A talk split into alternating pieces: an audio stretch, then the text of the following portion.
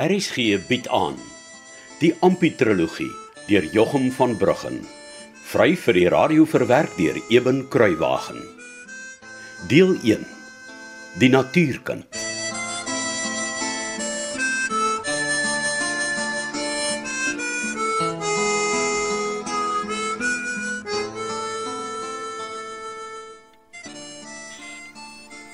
Grieta.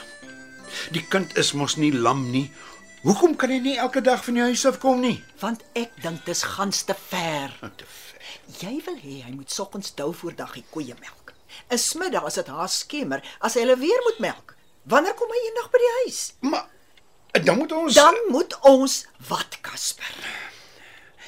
Waar wou jy hê moet hy bly? Sekerlik nie in die huis nie. Oor my dooie liggaam. Nee, natuurlik nie in die huis nie, Casper. Ag, maar jy kan tog sekerlik vir hom 'n plekkie iewers inruim. Hoekom is jy so vreeslik gekant teen die kind op die werf? Dis mos nie asof hy gevaarlik is nie, is hy? Moenie laf wees nie, Diefie. Nou wat is dit dan? Hoekom moet ons oor Ampie stry? Ek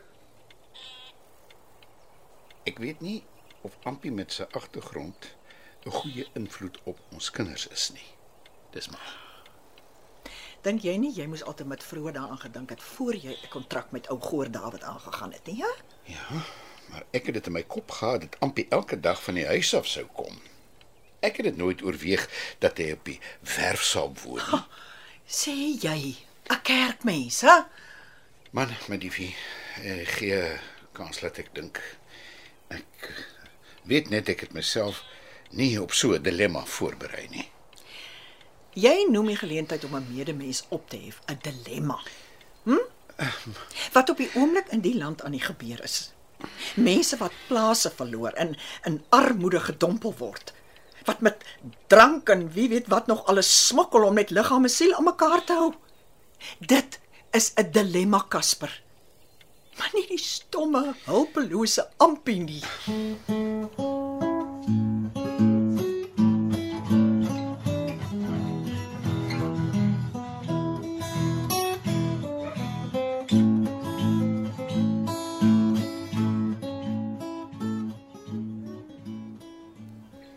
Maar jy weet Elias, ek dink tog my Hester sal 'n goeie boerevrou maak. Dink jy nie so nie?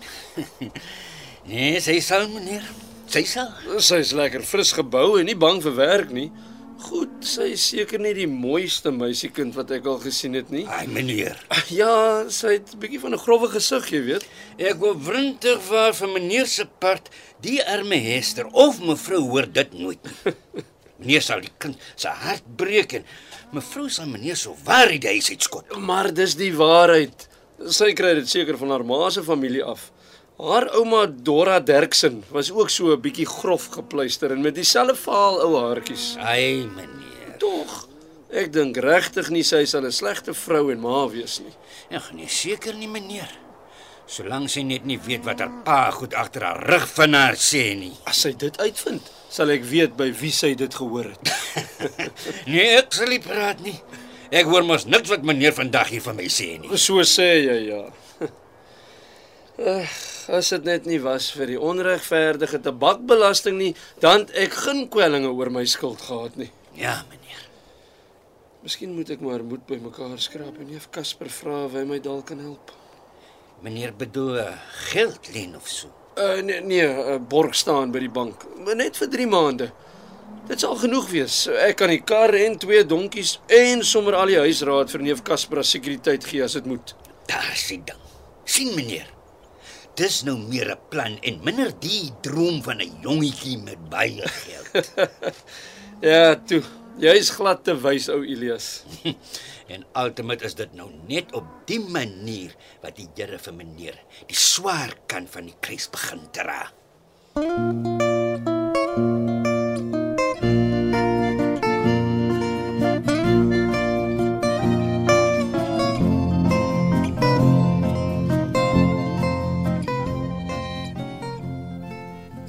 En waar kom jy nou vandaan?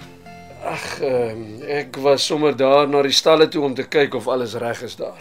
Wat kan nou verkeerd loop? Ek en Jeff Casper het besluit ons bring die koeie 'n bietjie vroeër terug stal toe oor die wind en die stof. Dis maar goed, julle is nie vrouens nie. Julle sal julle so verknies oor die wind en stof, daar sal nie 'n ding in die huis gedoen word nie. Nee, seker nie. En het jy al gedink aan 'n plan om vir ons vervoer te kry dorp toe en ons verblyf daar vir Hester se aanneming? Ja, ja, ons sal 'n plan moet begin maak, né? Nee. Jy weet ons moet 'n volle week daar bly want Hester moet vir die hele laaste week van Dominee se kateksasie daar wees. Anders kan sy nie aangeneem word nie. Ek sal betyds aan 'n plan dink, Saartjie. Hoekom vra jy nie sommer nou al vir Boysen of jy sê waar en ons kan leen daai week nie? In sommer sy kerktent ook. Ja, ek kan seker so maak. Gelukkig is daar nog baie tyd voor Oktober. Nee, ek ken jou al te goed, Flip. Jy stel uit en stel uit oor jy te papbroekig is om jou mond oop te maak.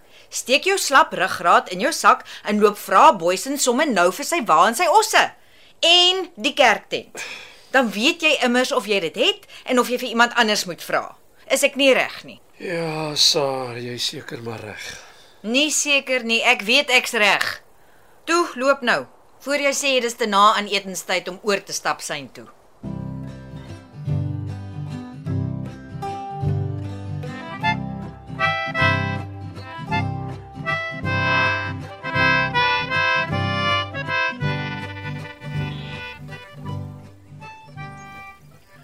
Maar my diefie, Maar moenie vir my diefie nie.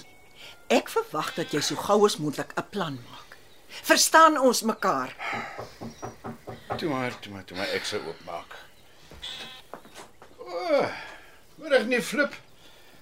Kom in jong, kom in. Vir wat sê jy nou daar buite staan en vol stof waai, hè? Sjoe. Ek dink jy daar's 'n siel in die ganse klein Karoo wat sal spyt wees as die wind loop lê nie. Ja nee. Middag neef Casper. Middag nou Grieta. Middag nee Flip. Uh ja, ons het nou net iets gehad om te drink, maar kan ek vir jou altyd tee, koffie maak? Uh, dankie maar eintlik het ek sopas by die huis ook 'n koppie iets gehad. Als reg. Nou ja, toe. Ek dink ons kan maar deurgaan na die voorhuis toe, Casper. Ja, die wind is te lastig hier by die kombuisdeur vir my. Ja, dis 'n gawe plan my diefie.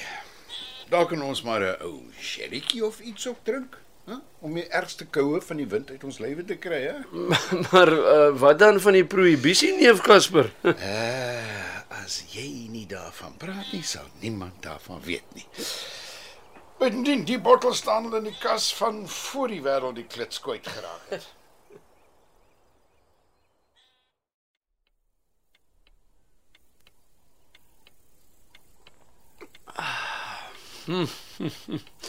Die glasie skelm sherry was 'n baie goeie plan neef Casper, sommer 'n uithaler plan. Ja, maar ek is bly jy voel so flip.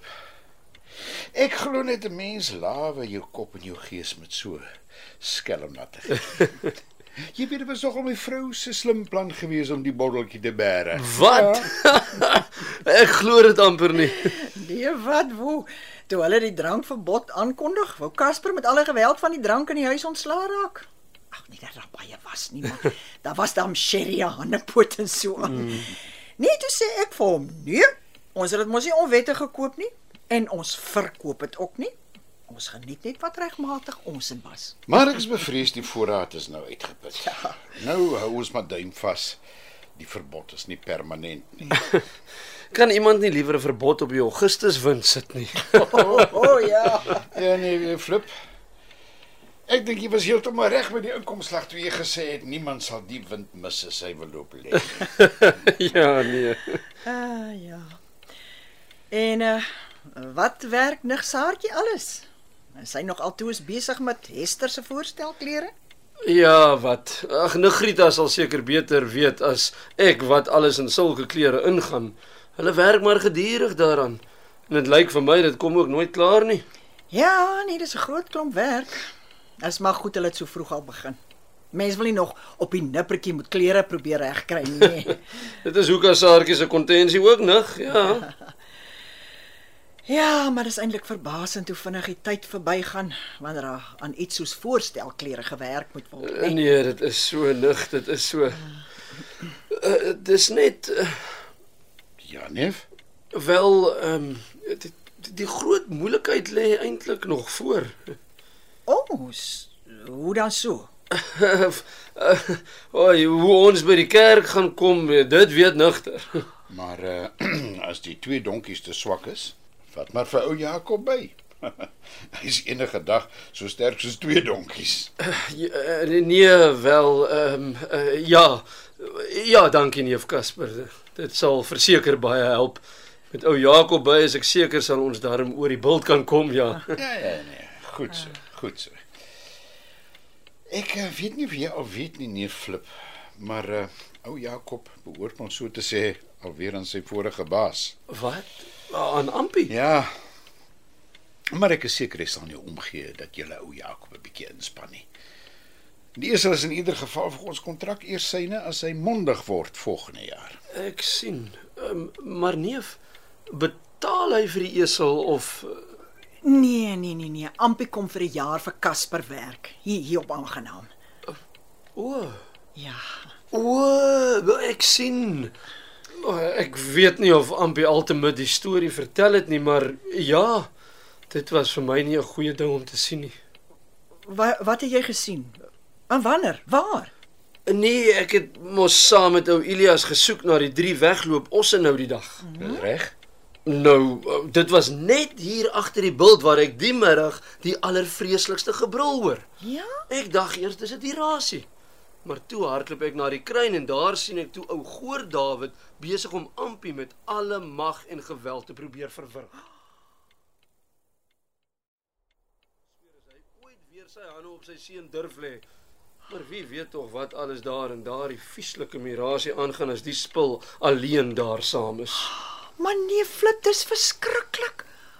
Ai, die arme kind is gewonder hy so gretig om haar weg te kom nie. Nee. Dis tyd dat Ampie uit daardie plek moet wegkom. Ja. Nee, ek glo mos nie aan daardie norkie gebroedsel nie. Kyk, ek het die seun gehelp en sy pa van hom afgepluk en so, maar eerlikwaar, ek dink Ampie sal wegloop soos 'n sleg droster. Ek dink jy's verkeerd nie, Flip. Kyk. Ampie sal 'n swakkeling afknou en afjak. Dis in sy aard. Maar sodra hy weet hy's die swakkere een, dan sit hy lafhartig om jou te te gaan. Ek glo byvoorbeeld dat hy bly net uit vrees by ou Goor Dawid. En hier sal hy ook bly uit vrees. Maar vir jou en vir my. Hmm. En vrees is nou in hierdie stadium die beste eienskap vir Ampie om ergens te kom in die lewe. Ja, ja. Dit klink altyd vreeslik om te sê dis goed dat Ampie bang is, maar uh, ja, ons het juis baie ernstig oor hom gepraat toe jy flits aan die deur geklop het. Dis waar. Hmm. En jy kan ook help nie flip. Hmm? Ons moet van Ampie 'n mens maak. Kom wat wil.